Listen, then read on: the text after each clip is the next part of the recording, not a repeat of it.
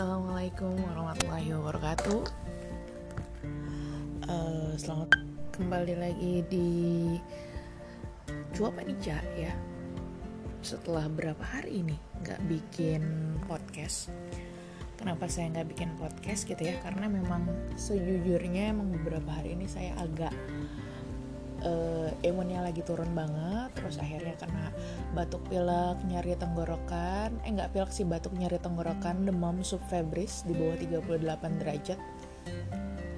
Dan di tengah situasi global panik karena corona ini jelas saya berpikir saya berada di daerah transmisi lokal.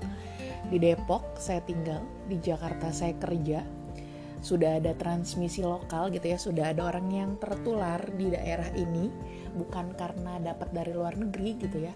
Dan saya dapat gejala demam batuk dan nyeri tenggorokan pasti pasti saya ketakutan pasti saya kepikiran oh gimana nih kalau corona gitu. Itu pasti banget.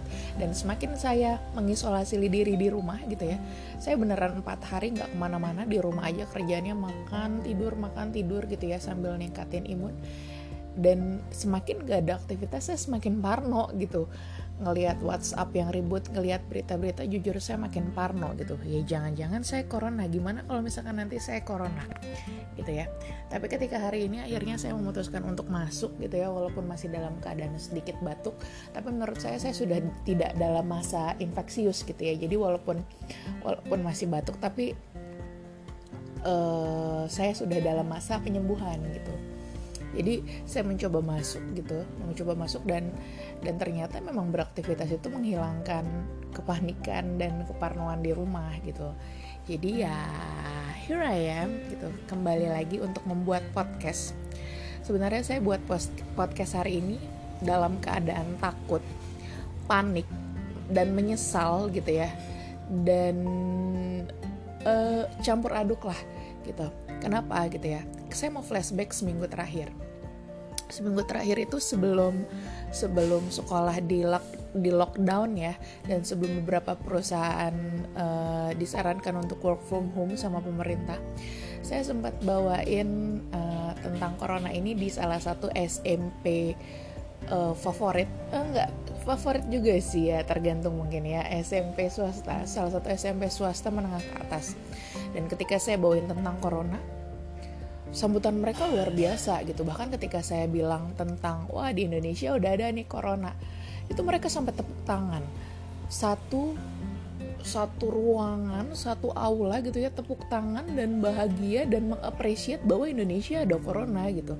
Bahkan ketika saya ngasih tahu gitu ya setelah Indonesia bertahan sekian bulan tanpa corona Indonesia akhirnya ada corona dan jumlah corona waktu itu masih 30-an mungkin ya 30-an masih sekitar 30-an itu mereka tepuk tangannya luar biasa gitu. Saya kaget gitu ya.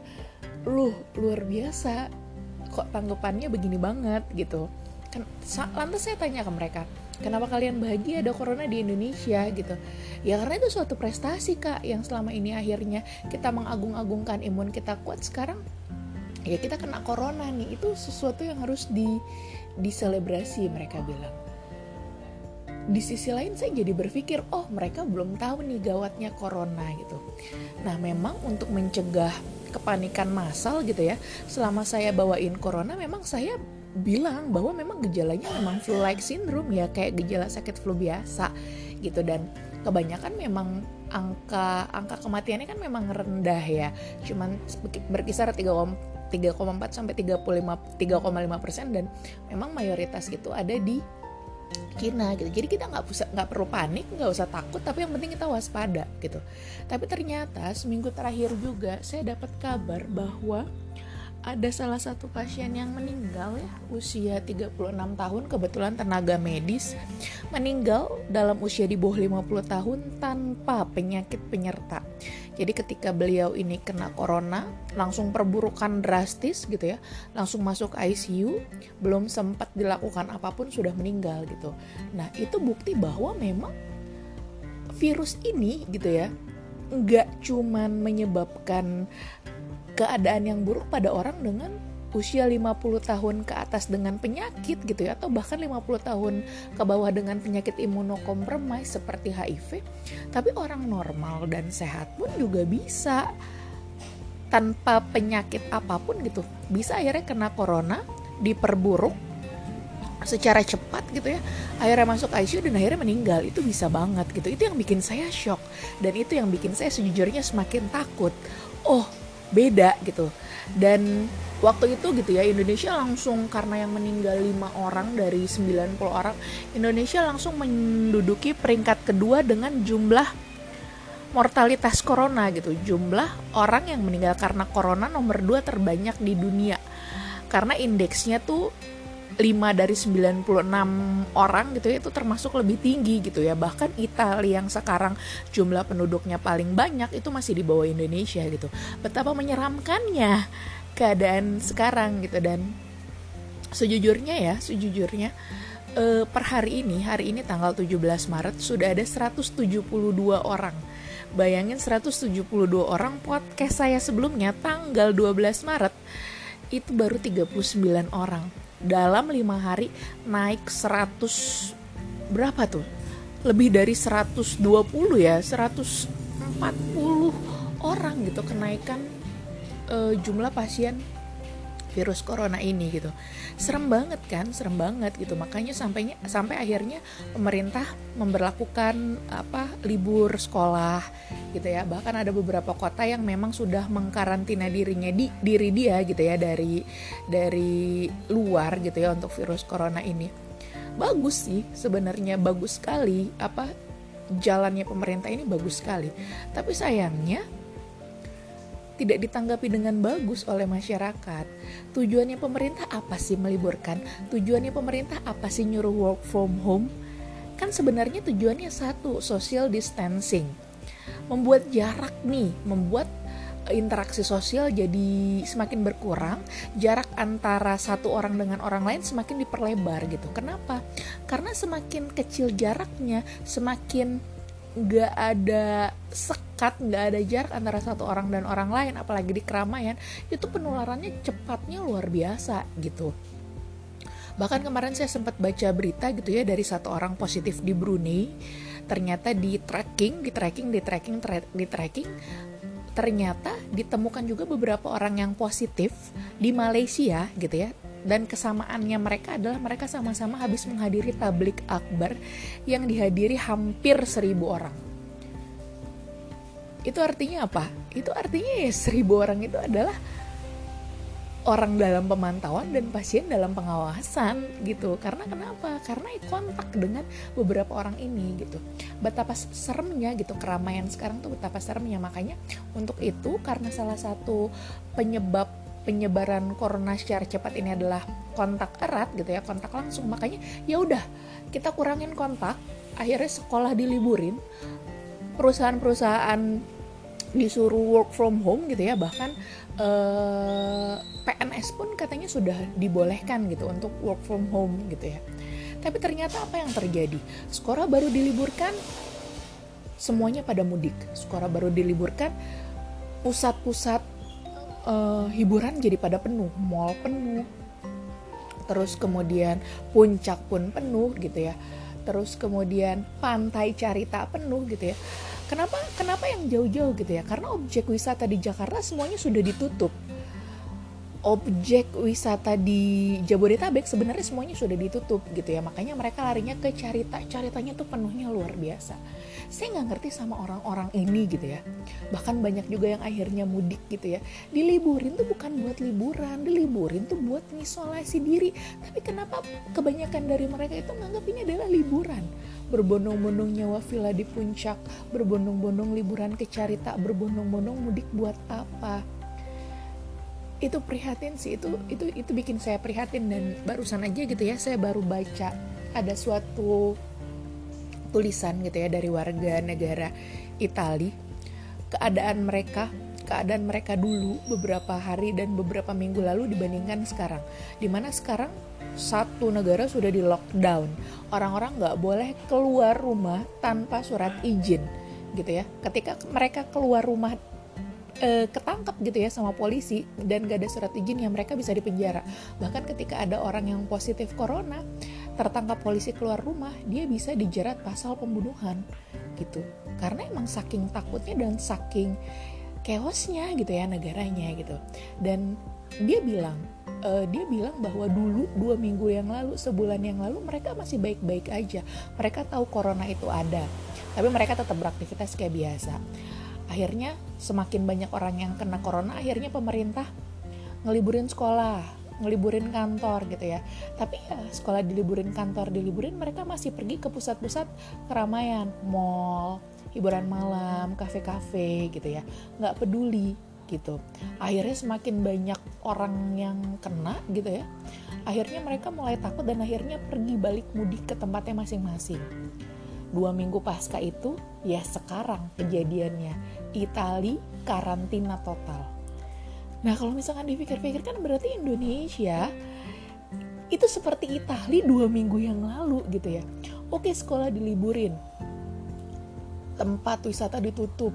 Terus apa perusahaan-perusahaan disarankan untuk work from home gitu ya. Tapi kebanyakan orang-orangnya nggak peduli.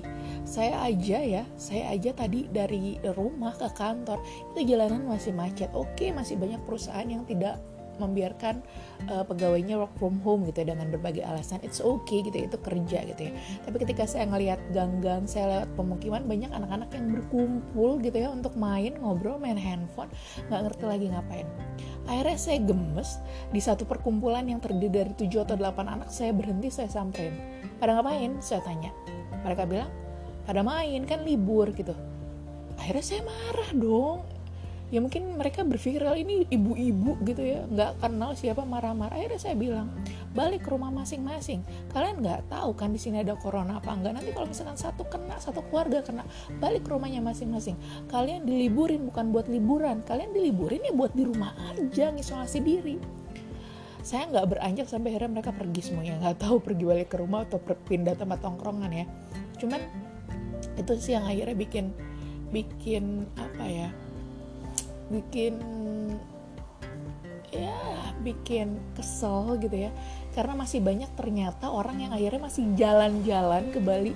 Masih banyak orang yang akhirnya tetap jalan-jalan ke luar negeri bahkan mudik ke kampung ya. Ayolah guys.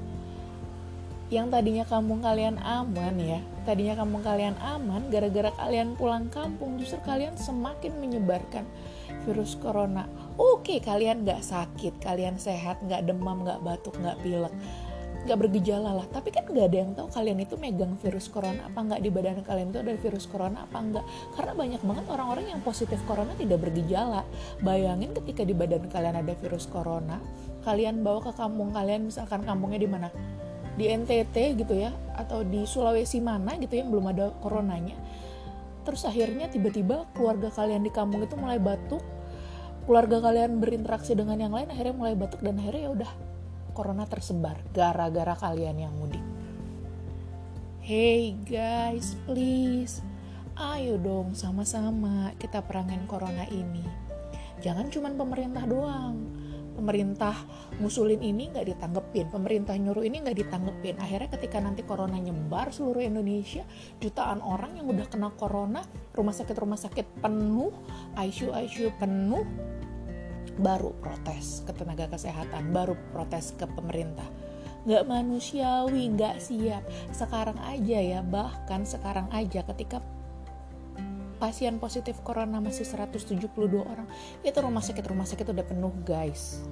ICU ICU juga sudah penuh. Akhirnya banyak orang pasien dalam pengawasan yang diminta isolasi sendiri di rumah pasien pengawasan yang nggak dianterin di rumah sakit rujukan, pasien pengawasan yang di rumah sakit rujukan protes karena satu kamar isinya enam orang, nggak manusiawi karena bete cuma tiga. Kita tuh bukan Cina yang siap banget ngadapin corona sampai 9 hari mereka bisa bikin rumah sakit khusus corona yang gede banget menampung ratusan ribu orang. Kita bukan Korea Selatan dengan teknologi maju bukan Singapura juga yang dengan teknologi maju mereka bisa pemeriksaan drive thru gitu ya. Dari rumah ke rumah nge-swab 3 jam kemudian jadi. Kita Indonesia guys. Indonesia yang nggak siap menghadapi corona ini dengan rumah sakit-rumah sakit dengan fasilitas yang terbatas dibandingkan Korea, dibandingkan Cina, dibandingkan Jepang, even dibandingkan Italia. Di Italia aja orang-orang meninggal bukan karena rumah sakitnya yang canggih, bukan guys, tapi karena apa? Karena penderita corona jauh melampaui kapasitas rumah sakit. Misal, penderita corona 1000 rumah sakit cuma bisa nampung 100 orang. Akibatnya apa? 900 ke mana? Dirawat di lorong-lorong rumah sakit. Bahkan ketika ICU dengan kapasitas terbatas sementara orang yang butuh ICU lebih banyak dari kapasitasnya akhirnya apa? Harus ada orang yang terelakkan. Nggak dapat fasilitas ICU itu jadinya nanti. Itu jadinya ketika pasien corona sudah ratusan ribu bahkan jutaan. Sekarang aja yang pasiennya baru 170 orang udah berkoar-koar. Pemerintah nggak siap, pemerintah nggak siap, rumah sakit nggak manusiawi. Ya memang, ya memang kita tidak siap. Kita nggak punya dana. Pemeriksaan juga dari balit bangkes doang. Itu pun jadinya baru berapa hari. Nggak bisa jadi per berapa jam kayak Korea Selatan. Kita nggak siap jadi sadar dong kita tuh nggak siap. Jadi jangan coba-coba nggak peduli. Jangan coba-coba ngelanggar peraturan pemerintah terus tiba-tiba nanti ketika kalian kena corona kalian marah-marah ke ke pemerintah. Dari sekarang saya bilang kita nggak siap ngadepin corona. Fasilitas kita nggak siap. Pemerintah kita nggak siap. Apa yang harus kita lakukan? Siapin diri kita sendiri. Dengerin apa kata pemerintah. Disuruh isolasi ya isolasi. Disuruh di rumah ya di rumah aja jangan datang ke keramaian. Udah, gitu aja podcast hari ini. Sebenarnya podcast hari ini cuma pengen ngobrol tentang situasi yang terjadi sekarang sih ya. Semua orang parno, saya pun parno, keluarga saya parno. Semua tenaga kesehatan parno. Karena apa? Ya karena kita nggak akan tahu besok, lusa, minggu depan itu jadinya kayak apa, akan berapa juta orang yang kena ya bayangin aja cuman jeda 5 hari saya bikin podcast ini kenaikannya sudah 140 orang. Entah besok, entah lusa, entah minggu depan. Apa yang bisa kita lakukan? Sehatin diri kita, sehatin keluarga kita. Tetap HBS, cuci tangan pakai sabun sering-sering. Pakai masker ke mana-mana. Kalau kalian sakit di rumah aja dulu sampai kalian sehat. Sudah work from home kan banyak makan buah sayur, olahraga, tidur cukup. Itu aja dulu. Ketika kalian habis kerja, ketika kalian nggak bisa work from home, kalian kerja keluar, ketika kalian masuk ke rumah, jangan ngapa-ngapain. Buka semua baju, cuci pakai air mendidih. Udah langsung kalian mandi. Jangan tiduran dulu, apalagi megang anak, apalagi meluk anak, jangan bersihin diri kalian dulu karena bisa aja bisa aja corona itu nempel di badan kalian makanya ganti semua baju rendem pakai air panas. Terus sudah kalian mandi baru mau aktivitas terserah. Alat-alat yang sering kalian pegang handphone kacamata ganggang pintu semuanya disterilkan. Pegang hand strap ke mana-mana atau kalau nggak bawalah sabun sabun kecil sabun cair ke mana-mana. Cuci tangan sering-sering. Jangan pegang muka. Sering-sering jangan pegang bibir sering-sering. Pokoknya jangan pegang apa pun sering-sering sebelum cuci tangan gitu ya. Dengerin kata pemerintah disuruh di rumah di rumah aja. Nggak usah jalan-jalan ke mana pun nggak usah mudik. Di rumah aja quality time sama keluarga. Udah lama kan nggak quality time sama keluarga? Mungkin ini saatnya. Sambil berdoa bareng-bareng. Semoga Indonesia nggak akan kayak Cina. Semoga Indonesia nggak akan kayak Italia atau bahkan Korea Selatan. Semoga kita udah stay aja di angka segini. Nggak nambah lagi nggak nambah lagi. Dan ketika nambah pun semoga tidak drastis. Semoga penambahan pasiennya masih bisa dalam kapasitas rumah sakit-rumah sakit kita. Mari berdoa sama-sama di setiap sholat, di setiap ibadah kita. Oke, demikian podcast saya hari ini. Semoga bermanfaat. Maaf kebanyakan ngegas karena emang situasinya seminggu ini bikin ngegas terus gitu ya. Titip doa buat teman-teman tenaga kesehatan. Titip doa buat teman-teman driver ojol yang setia nganterin makanan di saat kita nggak berani ke mall titip doa buat siapa pun yang bertarung melawan virus corona. Sekian, Assalamualaikum warahmatullahi wabarakatuh.